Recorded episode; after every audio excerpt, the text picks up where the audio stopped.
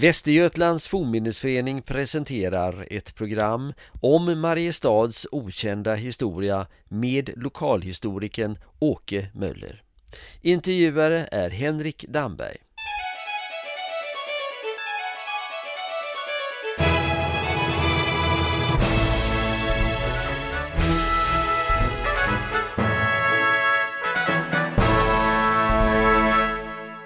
Jag välkomnar till ännu en del med eh, Västergötlands historiepodd.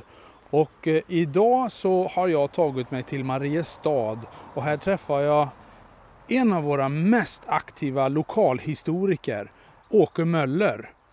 Hej Åke! Hej hej! Nu står vi här eh, vid, inte så långt från Marieholmskyrkan, vid Marieholmsleden i Mariestad. Och eh, här ska vi snart prata om Mariestads tidiga historia kan man säga. Åke, du håller ju på och skriver en bok, eller kanske till och med på väg att bli två böcker om Mariestads historia. Hur går det med det där? Ja, jag har skrivit så pass mycket så att jag har material till en full volym nu då, och då har jag inte kommit längre fram än till början av 1600-talet. Ambitionen var att jag skulle skriva fram till den stora stadsbranden 1693 men eh, Eh, materialet blev för omfattande. Så nu är det egentligen kan man säga två delar. Dels förhistorien som alltså omfattar tiden fram till 1582-83 när staden grundades och fick sina privilegier. Och eh, en andra del som handlar om själva tillkomsttiden, de 20 skattefria åren. Och vad är det för tidsplan för utgivning och så vidare? Ja, just nu håller jag på med kontakter med förlag så jag hoppas väl att det ska vara klart under de kommande månaderna. Och sen är det upp till förlaget hur snabbt man kan åstadkomma en bok. Jag har skrivit färdigt och håller på att eh, plocka fram illustrationer nu. Mm. Och när det är klart, är tanken att du ska ge dig på den lite modernare historien då? Nej, jag ska fortsätta med 1600-talet som jag egentligen hade tänkt att inrymma i den här volymen då. Och där har jag redan skrivit ett antal kapitel.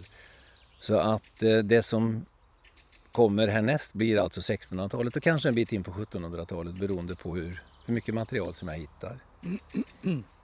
Ja, eh, ja, du har ju varit eh, mycket aktiv i Läxberg Ullervads hembygdsförening länge, eller hur? Mm. Ja, väldigt många år. Ja. Och hur kom det sig då egentligen att du gav dig på Mariestads historia? Ja, från början handlade det enbart om Läxbergs historia kan man väl säga, där jag också är född.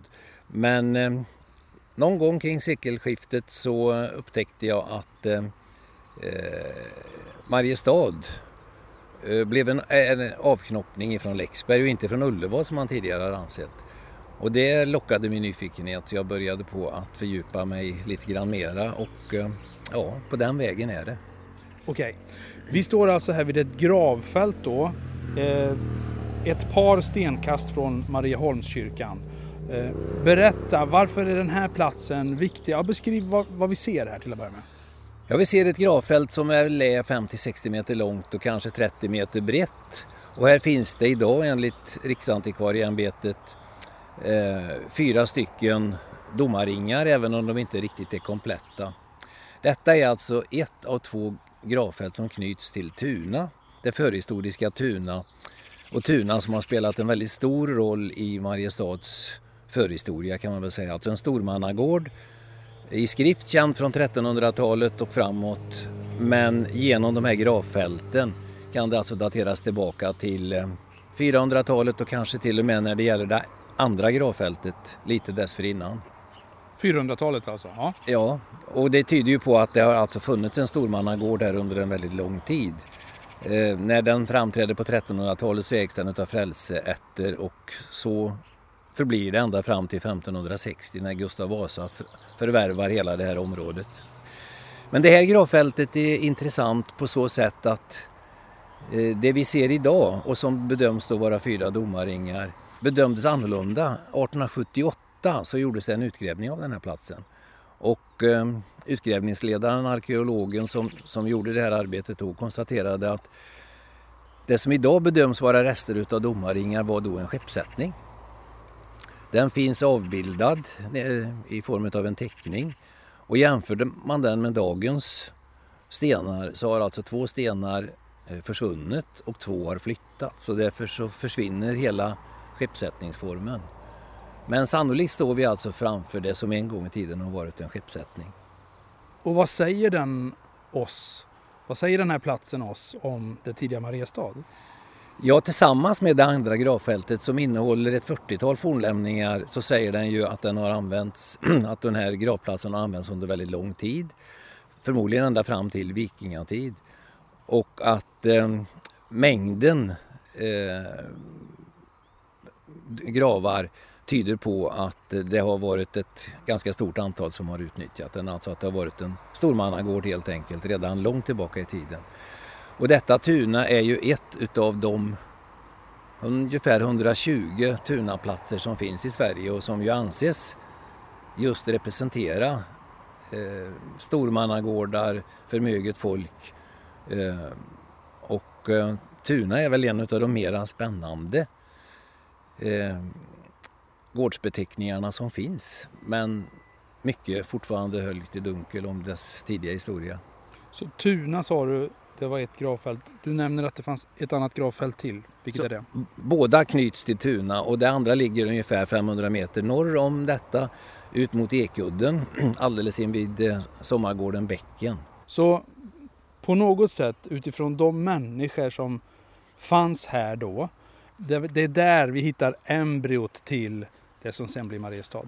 Ja, så skulle man väl kunna säga. Eh, vid det andra gravfältet eh, vid bäcken så finns det ett fynd som är lite annorlunda. Det är ett litet viktlod som inte är mer än 1,7 centimeter eh, högt och som är eh, ungefär ja, drygt 2 centimeter i diameter. Men som på båda plattsidorna har ett hakkors som symbol, alltså en svastika. Eh, det här eh, var en gång i tiden ett eh, soldyrkartecken eller ett tecken för lycka. Men eh, anses också kunna knytas till asatron. Och det är ju den tiden vi rör oss i då. När är det daterat ungefär? Det, det finns ingen exakt datering på detta men att eh, det är klart före vikingatid i alla fall. Eller senast under vikingatid. Och viktlod, tyder det på alltså att det användes i någon form av handel? Eller? Ja. Eh, handel är ju en av de funktioner som knyts till de gamla tunaplatserna. Dyrkan utav något är en annan sak, vilket innebär att det skulle alltså kunna varit någon form av Vasadyrkan som har skett här också. Vad handlade man med här? Ja du, när vi går tillbaka så långt i tiden så vet jag inte om jag vågar ha någon prognos, men går vi lite längre fram i tiden så är det ju timmer, kära som har varit stora produkter och kanske kan det ha varit det redan då. Men det ligger för långt tillbaka i tiden för jag ska våga gissa. Och varför en handelsplats just här då? Ja, men läget vid Tidans utlopp är väl egentligen ganska förnämligt. Går vi fram ett par hundra år så har vi ju Vads kungsgård uppe i Tidan. Eh, och att ån Tidan var en kommunikationsled dit upp är ganska givet och då kan man ju tänka sig att platsen vid mynningen har varit en, eh, en viktig knutpunkt helt enkelt. Nu har vi rört oss några hundra meter utmed Marieforsleden. Jag sa ju Marieholmsleden förut, det var ju fel. Marieforsleden in mot eh, centrala Mariestad och vi har nått fram till Tidans strand och eh, på andra sidan Tidan här då ser vi centrum. Ja, nu står vi alltså precis vid Tidans utlopp i Vänern. Eh, framför oss fanns eh, under 10 och 1100-talet fasta fiskegårdar, så kallade katser. Och det finns fortfarande lämningar utav dem här nere under vattnet i form av stolprader. Både här och längre ut eh, mot Vänern. Ehm, men vi står alltså på den västra sidan av ån och här fanns en gång i tiden eh, marker som alltså tillhörde den här stormannagården Tuna. Och blickar vi rätt över så finns, eller fanns på andra sidan en annan by som heter Haller och vars eh, historia har varit tämligen okänd. Eh, Haller var också en stormannagård som fram till 1473 hörde till eh, biskopsdömet. Och här hade biskopen sin tionde lada, eller sitt intäktahus som det står i en köpehandling. 1473 blev nämligen Hallers by Ehm, eller fick Hallersby samma ägare som Tuna. När eh, Ture Jönsson Svarte Skåning förvärvade eh, Hallersgårdarna, eh, dock inte intäkta huset som biskopsdömet fortfarande skulle behålla, det vill säga tionde ladan. Och här fanns också uppgifter om en hamn som biskopen skulle fortsatt ha rätt att använda. Eh, och dessutom ett litet torp som heter Hallaboryd som också skulle förbli hos biskopsdömet. Men två stora gårdar, Haller, förvärvade alltså Svarte eh, Skåning. Eh, och eh, det betyder alltså att han kontrollerade under 1400-talets senare del i stort sett hela åns utlopp. Och jag pratade om att det var en viktig knutpunkt och man kan väl anta alltså att han hade ett intresse av att kontrollera trafiken i hamnen här till exempel. Så den som ville handla, den som passerade här, den var tvungen att betala honom gissningsvis? Jag skulle gissa att man tog ut någon form av tidantull eller eh, tull på de varor som fördes i land här. Men det kan ju aldrig bli mer än spekulationer dessvärre eftersom det inte saknas dokument. Men den här gården Haller, den, den var alltså ungefär där centrala Mariestad är idag? Ja, exakta läget går inte att återskapa men den låg säkert uppe på åsen där eh, torget låg, idag Gamla torget, och kyrkan. Någonstans eh, på den åssträckningen kan vi säkert eh, finna den, den lilla byn. Men du måste förklara, du sa att det fanns en tionde lada. Mm. Vad var det? Ja, det var ju så att från slutet av 1100-talet så betalade alla bönder tionde till biskopen. Alltså en tionde av sin skörd skulle gå till eh, biskopen och inte bara skörd utan även eh, av djur och ost och liknande skulle alltså avsättas till kyrkan och till biskopen. Och för att förvara detta, eh, det måste ju lagras någonstans, han kunde ju inte ta emot allt i Skara, så byggdes sådana här tiondelador. Och jag kan tänka mig att detta fungerade som en uppsamlingsplats för tiondet ifrån Vassbo härad till exempel. Och du har en teori om att eh, när man rustade upp vägar, det finns till exempel en 1100-talsbiskop eh, som kallas Bengt den gode. Du tror att det är möjligt att han rustade upp många mm. vägar och byggde broar just för att folk skulle kunna lämna det här tiondet? Ja, eh, i slutet på 1100-talet så byggde han ju sex broar i eh, Skara stift plus att han rustade upp vägar på Tiveden, Hökensås, eller skapade vägar rättare sagt. Eh, och det är väl en av orsakerna till att han har kallats den gode, att han gjorde så stora insatser. Men eh, jag har väl en känsla utav att bygger man så mycket så gör man det nog i första hand av egen vinning. Och under hans efterträdares tid så fastställde tinget att tionde skulle betala. Så det var ju en process detta så jag är ganska övertygad om att och det står till och med i, eh, i Västgötalagen några rader om att bönderna betalade till Bengt den gode. Så att eh, jag skulle kunna tänka mig att det kan kopplas ihop. Och den här sidan vi står på, alltså Tunas sida, eh, kan vi väl nämna några ord till. 1380 så framträder Tuna i skrift för första gången i två köpehandlingar som utfärdas samtidigt. Och tack vare dem så får vi då ägare som går tillbaka till mitten av 1300-talet. Och genom en annan handling så kan man sen eh, dokumentera samtliga ägare till Tuna ända fram till Gustav Vasa tog över 1560. Så att eh, tidigare var det i stort sett okänt vem som hade ägt Tuna. Idag finns det en komplett ägarlängd. Och det är, och det är du som har grävt fram den? Ja, genom två handlingar som jag har hittat på Riksarkivet, ja. Och det som är fascinerande med detta det är att det under uppemot halva den tiden, alltså från mitten av 1300 fram till 1560, så är det kvinnor som står som ägare. Eh, och det var ju totalt okänt tidigare. Kan du nämna någon av dem? Ja, den som jag tror ägde längst var Ture Jönsson, Svarte Skånings hustru, Birgitta Snakenborg. Snakenborg? Snakenborg, Övernett som kom från Mecklenburg och som stod kungen Albrecht av Mecklenburg nära. Ett par generationer efter det att eh, eh hennes farfar förvärvade Tuna 1380 så var hon alltså ägare. Finns det något idag som påminner, finns det något kvar från Birgitta Snakenborg? Ja, om det skulle göra det så är det i så fall i eh, Vadstena. Eh, hon och hennes man lät sig nämligen begravas där. De skapade ett prebende, donerade ett antal gårdar eh, och till, eh, till ett prebende som skulle förvaltas utav klostret i, i Vadstena. Eh, och där skulle man då läsa böner varje dag i evig tid över deras själar och alla deras efterkommande. Eh, vad de inte visste då var ju att man ganska snart skulle drabbas av reformationen och att klostren stängde så att evigheten blev inte så lång. Så vi vet inte var de ligger, finns deras grav kvar?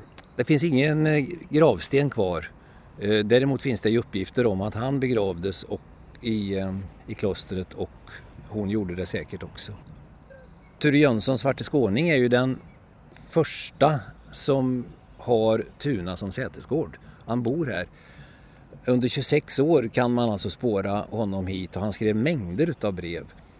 Och eh, två av de breven är väldigt speciella. De skrevs nämligen på Tunaholm och då kommer vi in på det som har ansett vara en parallellgård till Tuna, belägen där Marieholm, sedermera Kungsgård och residens är beläget. Men de här två breven skrevs under loppet av halvår och sedan återgick Ture Jönsson till att skriva Tunabrev. Eh, och min tro, eller nästan övertygelse, det är att eh, husbygget blev totalt misslyckat. Eh, 1560 lät ju Gustav Vasa uppföra en stor byggnad på den här holmen och bara något år senare så sjönk det ner i dyn.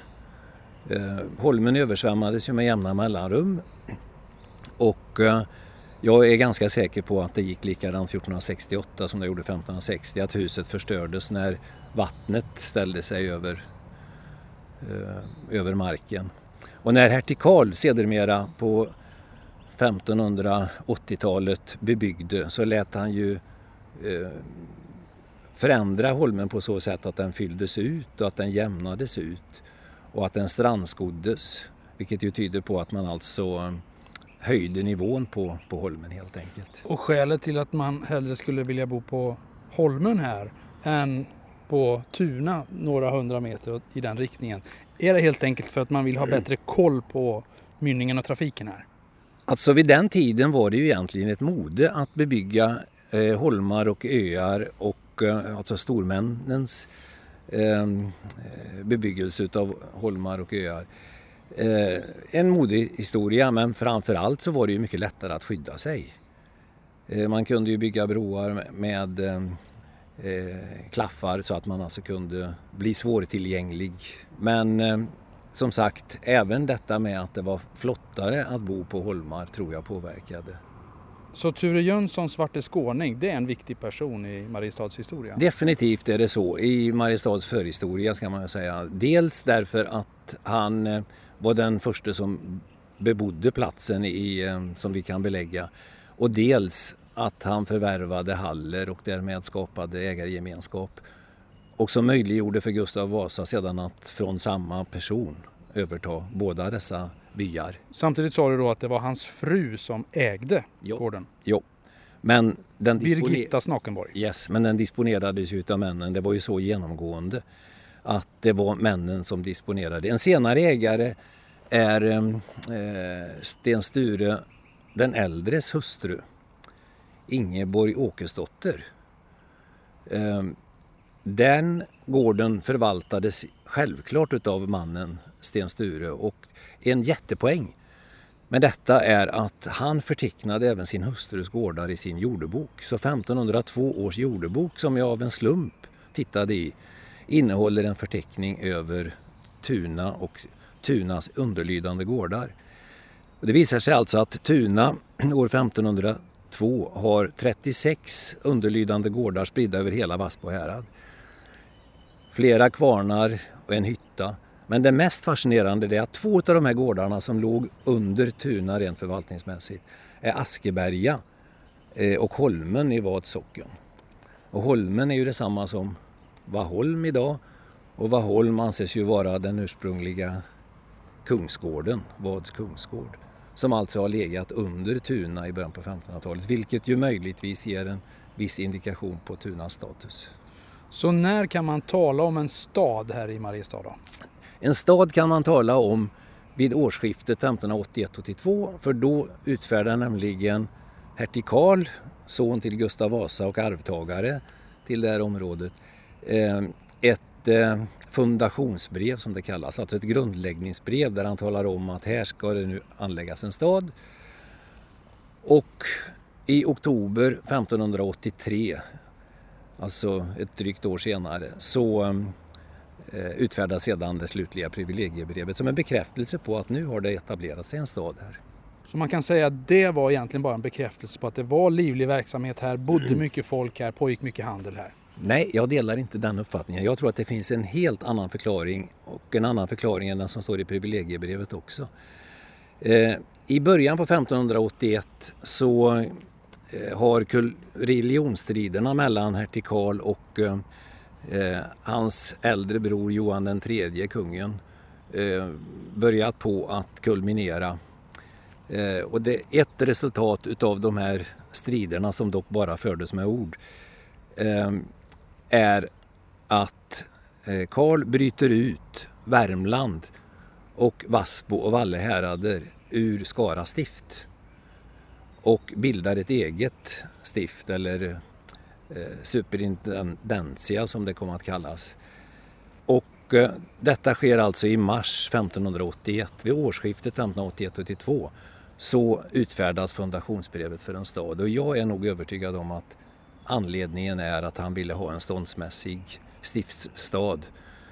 Eh, att Ullervad, där den första superintendenten placerades under en kort tid, inte riktigt räckte till i det sammanhanget utan att han ville ha kanske närheten till vattnet, kanske just det du var inne på, närheten till en livlig aktivitet skapad genom hamnen.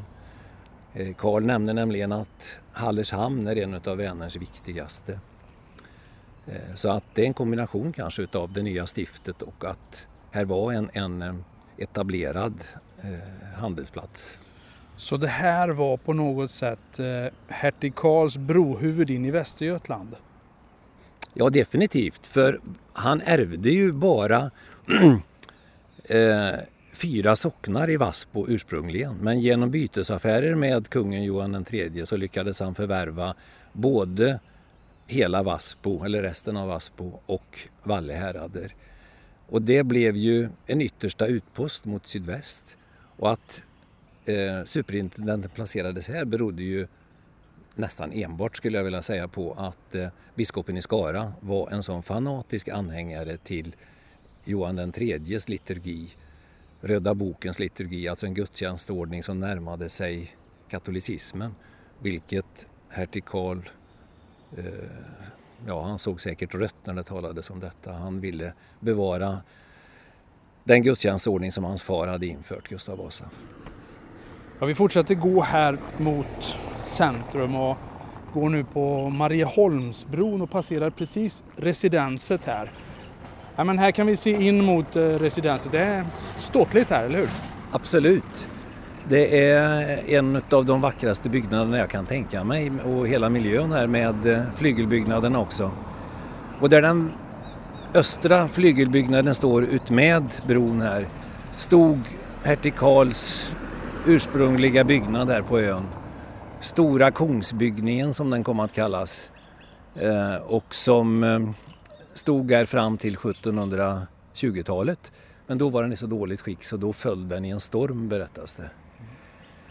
Men idag är ju miljön eh, helt fantastisk här ute. Men var det alltså hertig Karl som var den första som kom att bo här? Jag menar detta i motsats till vad som har skrivits eh, tidigare. Jag tror alltså att de byggnadsförsök som har gjorts tidigare har havererat innan man har hunnit etablera någon egentlig bosättning här.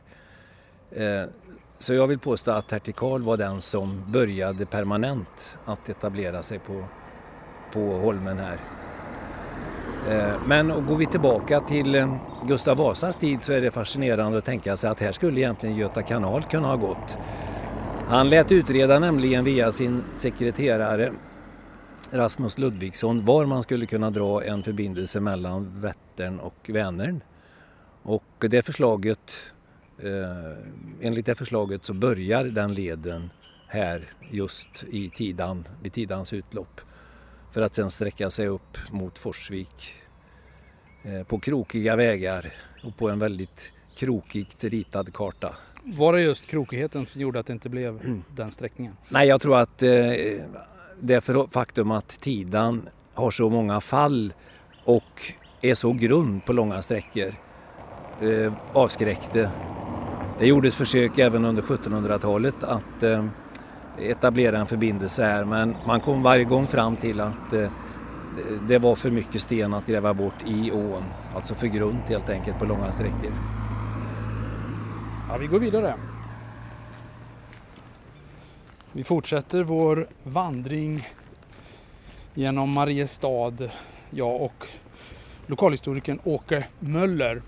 Och eh, nu är vi på det gamla torget. Och det är det riktiga torget som man säger så här i Mariestad. Ja, detta är alltså det ursprungliga torget. Det som skapades redan när staden började bebyggas på 1580-talet. Mm. Och ändå är det inte riktigt det därför att 1693 så brann ju hela Mariestad ner. Bara några få byggnader på, på näset i norr som sparades. Och när sedan staden återuppbyggdes så flyttades torget ungefär ett halvt torg norrut, det vill säga 30 meter mot norr. Så där vi vandrar nu på den norra delen av torget går vi alltså på gamla byggnadslämningar. Även om de inte syns förstås. Just för att det gamla torget ligger här. Kan vi då misstänka att den här ursprungliga gården Haller låg precis här i närheten? Ja, jag tror att den har funnits tämligen nära här. Ehm, även om vi bara kan gissa. Men här uppe har vi ju egentligen krönet på åsen och jag kan mycket väl tänka mig att det var där som den här byggnationen låg. Och nu går vi Kyrkogatan va? Ja. ja mot Mariestads domkyrka. Och eh, själva namnet Mariestads domkyrka gör ju en nyfiken och det är, det vi ska, det är det vi ska reda ut lite här nu med hjälp av Åke Möller. Ja, det har ju sin grund i detta med att eh, hertig Karl beslutade att bryta ut eh, Vassbo, Valle och Värmland ur Skara stift och bilda ett eget stift. Och då får vi ta bakgrunden här lite alltså. Hertig Karl var son till Gustav Vasa och hertig Karl hade bröder som eh, också var makthungriga och ville vara med och styra och ställa. Därför skedde det en uppdelning här. Ja, eh, efter Gustav Vasa så delades ju landet in i, i flera hertigdömen. Johan fick ett hertigdöme, huvudsakligen Finland. Karl fick eh, eh, Sörmland, Närke, Värmland och dessutom ursprungligen bara fyra socknar i Vassbo men så småningom både Vassbo och Valle härader. Och Magnus fick eh, delar utav Östergötland och delar utav Västergötland. Eh, den äldste sonen Erik blev ju kung. Mm. Och eh, varför just Mariestad och hertig Karl? Ja, jag tror ju som sagt att Mariestad tillkom för att eh, det behövdes en, en eh, präktig residensstad eh, och eh, att Karl redan från början hade tänkt att uppföra en större kyrka här. Det kom dock att dröja ända till 1593, alltså i tio år innan den här byggnationen började och dessförinnan fanns då en lite mindre kyrka som var belägen lite söder om den nuvarande. Så där, då har vi kommit fram till kyrkogården runt Mariestads eh, domkyrka. Ja, vad är det vi ser här? Ja, vi står alltså nu på Prästgårdsgatan och vi befinner oss alltså i det som ursprungligen blev det kyrkliga centret. Eh, det var inte bara kyrkan som byggdes här precis framför oss. I kyrkogårdens sydvästra hörn fanns skolan, den skola som hörde till biskopsdömet. Och på, på den södra sidan av kyrkogården ligger prästgården. Gör den fortfarande idag. Den flyttades dit efter Jesper Markis tid. Är det den röda, den röda tvåvåningsbyggnaden? Ja. Jajamän. Mm. Och mitt för där vi står låg en tomt som kallades Biskopsgården. Så här måste ju alltså superintendenterna ha haft sitt säte under den tid som Mariestad var biskopsdöme eller superintendentia fram till 1647. Eh, mm. Och repetera nu, vilket år eh, byggdes kyrkan? Den började byggas 1593 och den byggnationen var i stort sett färdig 1619. Man brukar räkna 1619 som dess färdigställande år. Även om det säkert återstod en del arbeten, framförallt inne i kyrkan då. Och sen fungerade den som domkyrka då i hur många år? Ja, fram till 1647. Eh, och eh, eh, invigningen av kyrkan skedde redan 1602 så att man använde ju kyrkan under byggnadstiden och det måste ju tidvis ha varit mera byggnadsarbetsplats än en kyrka och då kan jag tänka mig att den första lilla kyrkan användes under de tiderna, fungerade som ett kapell kanske. Och eh, då fanns det då två domkyrkor här i Skaraborg, alltså Mariestad och så var det i Skara då. Vad skilde de här kyrkorna åt förutom att det var så att säga, olika stift? Då? Var det olika så att säga, innehåll, liturgi och så vidare? Ja, själva syftet med tillkomsten av kyrkan var ju att skapa ett stift där man förkunnade den lära som Gustav Vasa hade infört efter reformationen. Eh, medan eh, övriga delar utav landet som Johan den tredje kunde styra utan inblandning utav hertig Karl. Där eh, eh, tillämpade man en gudstjänstordning som eh, med återgång mot det katolska. Så att man hade alltså eh, olika liturgi helt enkelt i kyrkorna. Men det märkliga är att eh, när denna kyrka började byggas i april 1593 så var Johan den tredje död sedan ett halvår knappt. Och månaden innan, alltså i mars 1593, hade Uppsala möte förkastat helt och hållet Johan den tredjes liturgi. Så att när grundstenen lades här så fanns det egentligen inget att manifestera mot. Eh, biskopen i Skara var avsatt. Eh, Johan III var borta och Röda bokens liturgi var borta. Ändå låter Karl bygga den här stora kyrkan. Vilket ju möjligtvis skulle kunna tyda på att han var rädd att det skulle bli ett återfall mot eh, den röda bokens liturgi. Eller om det nu bara är ett skrytbygge att visa vilken makt han och vilka resurser han besatt. För det är tveklöst en väldigt imponerande kyrka. För det var väl en fråga om ekonomi också, resurser då, att eh, hertig Karl kunde ha sitt hertigdöme här och en egen så att säga domkyrka? Ja, säkert. Eh, hertig Karl var ju i motsats till Johan III en väldigt sparsam och säkert också en oerhört förmögen person som nästan alltid dock saknade likvida medel. Eh, så att det var ganska vanligt att hans leverantörer fick lämna långa krediter.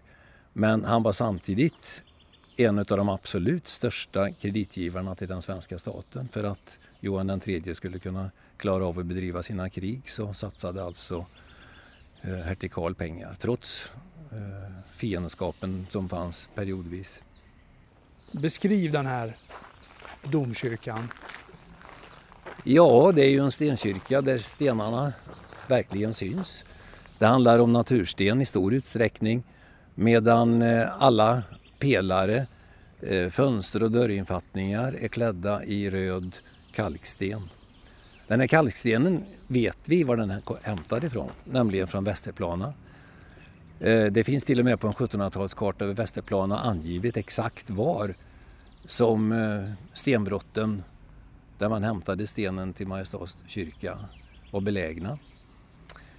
Jag har hittat eh, dokumentation på att stenarna inte höggs här. Det var alltså inte någon större stenhuggarhytta här utan de höggs, färdighöggs i Västerplana och transporterades sedan från Västerplana hamn med båt till Mariestads hamn. Och sen var det säkert en tuff uppgift för stadsborna att med vagn köra upp de här kolossala stenarna. Ja, vilka var det som byggde kyrkan? Ja, det fanns ju professionella byggare i form av byggmästare och stenhuggarmästare och eh, snickare var det förstås också. Men eh, murarna eh, hade ju en, en stor och väsentlig uppgift i sammanhanget. Eh, det har ju ansetts att det var väldigt mycket tyskinspirerat. De första två byggmästarna var tyskar. Eh, och eh, stenhuggarna var från början tyskar. Men i övrigt är det väldigt svenskklingande namn. Så att eh, under resans lopp, alltså från 1605 ungefärligen och framåt, är det nästan bara svenska namn som förekommer här. Anders Hansson, tornbyggaren, hämtades från Skara till exempel. Det hade han erfarenhet från Skara domkyrka kan man gissa. De här stenarna som hämtades från, eh, från Västerplanen, alltså den huggna kalkstenen, är ju i många fall försedd med stenhuggarmärken, alltså ett bomärke som stenhuggarna har huggit in. Eh, varför är väl inte riktigt klart men kanske har det med avlöningssystemet att göra att man ska kunna styrka vem som har huggit vilka stenar. Eh, och eh, riktigt spännande blir det när ett stenhuggarmärke som ser ut som en pil med två streck över eh, återfinns på ett dokument på Riksarkivet. Det visar sig alltså att det är stenhuggarmästaren eh, Håkan Nilsson som på 1610-talets andra hälft kvitterar ut lön till sina stenhuggare. Och sen känns det riktigt mäktigt när man då går och tittar och så hittar man hans bomärke på stenar och vet att just den stenen har Håkan Nilsson huggit. Vet du något mer om honom? Nej, inte egentligen mer än att han var från Västerplana. Fram till, alltså den som då var ansvarig för byggnationen var ju givetvis hertig Karl, men han var ju aldrig här. Det var ju sällan som han besökte Mariestad, bortsett från ett par perioder på 1580-talets slut. Men då hade ju inte kyrkan börjat byggas. Sen var besöken här kortvariga och sporadiska. Eh, så det var ju fogden, Bengt Nilsson, som fick uppdraget att eh, på plats ansvara för byggnationen. Eh, en märklig fogde på så sätt att han var långvarig i sin tjänst. Normalt brukade fogdar bytas ut efter två, tre, fyra år beroende på att de lätt hamnade i, i trångmål, korruption, eh, ifrågasattes utav både allmänheten och utav, utav kungen, eller i det här fallet hertig Karl. Eh, och genom att byta ut dem ofta så hann de ju inte att skapa relationer med befolkningen. Men Bengt Nilsson är ett undantag. Han var fogde för hertig Karl i 21 år. Och eh, det lär till och med vara så att eh, hertig Karl lär ha sagt vid något tillfälle att en fogde kunde avrättas efter sju år utan rättegång. Under den tiden hade han mer än väl tjänat ihop ett dödsstraff, lär han ha yttrat. Men Bengt Nilsson var alltså ett undantag. Mariestads domkyrka blev, var inte längre en domkyrka då från 1647, mm. sa du. Hur påverkade det Mariestad? Ja, det kom ju att bli väldigt ödesdigert därför att det ledde ju till att skolans status nedgraderades. Det ledde till att hospitalet som var beläget här uppe något hundratal meter ifrån eh, kyrkan mot norr eh, kom att eh, försvinna, läggas ihop med Skara. Även om det dröjde till 1688. Så det var mycket så att säga, kringverksamhet kring domkyrkan oh ja. som, som, flyttade till Skara helt enkelt? Ja visst, och inte minst de stora samlingarna, domkapitlen och liknande som, som förekom här. Varje midsommar samlades ju alla Eh, stiftets präster i Mariestad. Vilket ju ledde till att man skapade en midsommarmarknad i Mariestad förstås när det kom så mycket långväga gäster. Men prästerna från Vassbovalle och Värmland samlades alltså här då. Och det är klart att det hade ju köpenskapen stor nytta av. Så att det var en katastrof. Sen blev ju varaktigheten av katastrofen kanske inte så långvarig för på 1660-talet så blev ju Mariestad residensstad när landshövdingen flyttade hit och det kompenserade säkert en hel del utav detta. Men det var några årtionden där, mitten på 1600-talet, som var svåra för Mariestad då? Det kan man utgå ifrån och eh, jag tror att till och med att befolkningen minskade under den här tiden, även om jag inte riktigt har dokumenterat det färdigt ännu. Nu har vi gått fram ända till eh, foten av eh, kyrkan här, det södra skeppet och här ser vi en utav stenarna här. Just en sån där, ett sånt där märke, ett huggarmärke. Beskriv vad det är vi ser där. Okay. Mm, ja, tack vare det släpljuset som solen åstadkommer här nu så ser vi att det är en, eh, ett märke som ser ut som en bakvänd fyra på en fot. Enkelt uttryck. Och de här märkena förekommer på, just detta märket förekommer på ett antal stenar på olika ställen. Eh, vi vet ju inte om det är så att alla stenar är försedda med ett märke för den visar ju som regel bara en sida utåt. De andra fem sidorna är ju dolda i muren.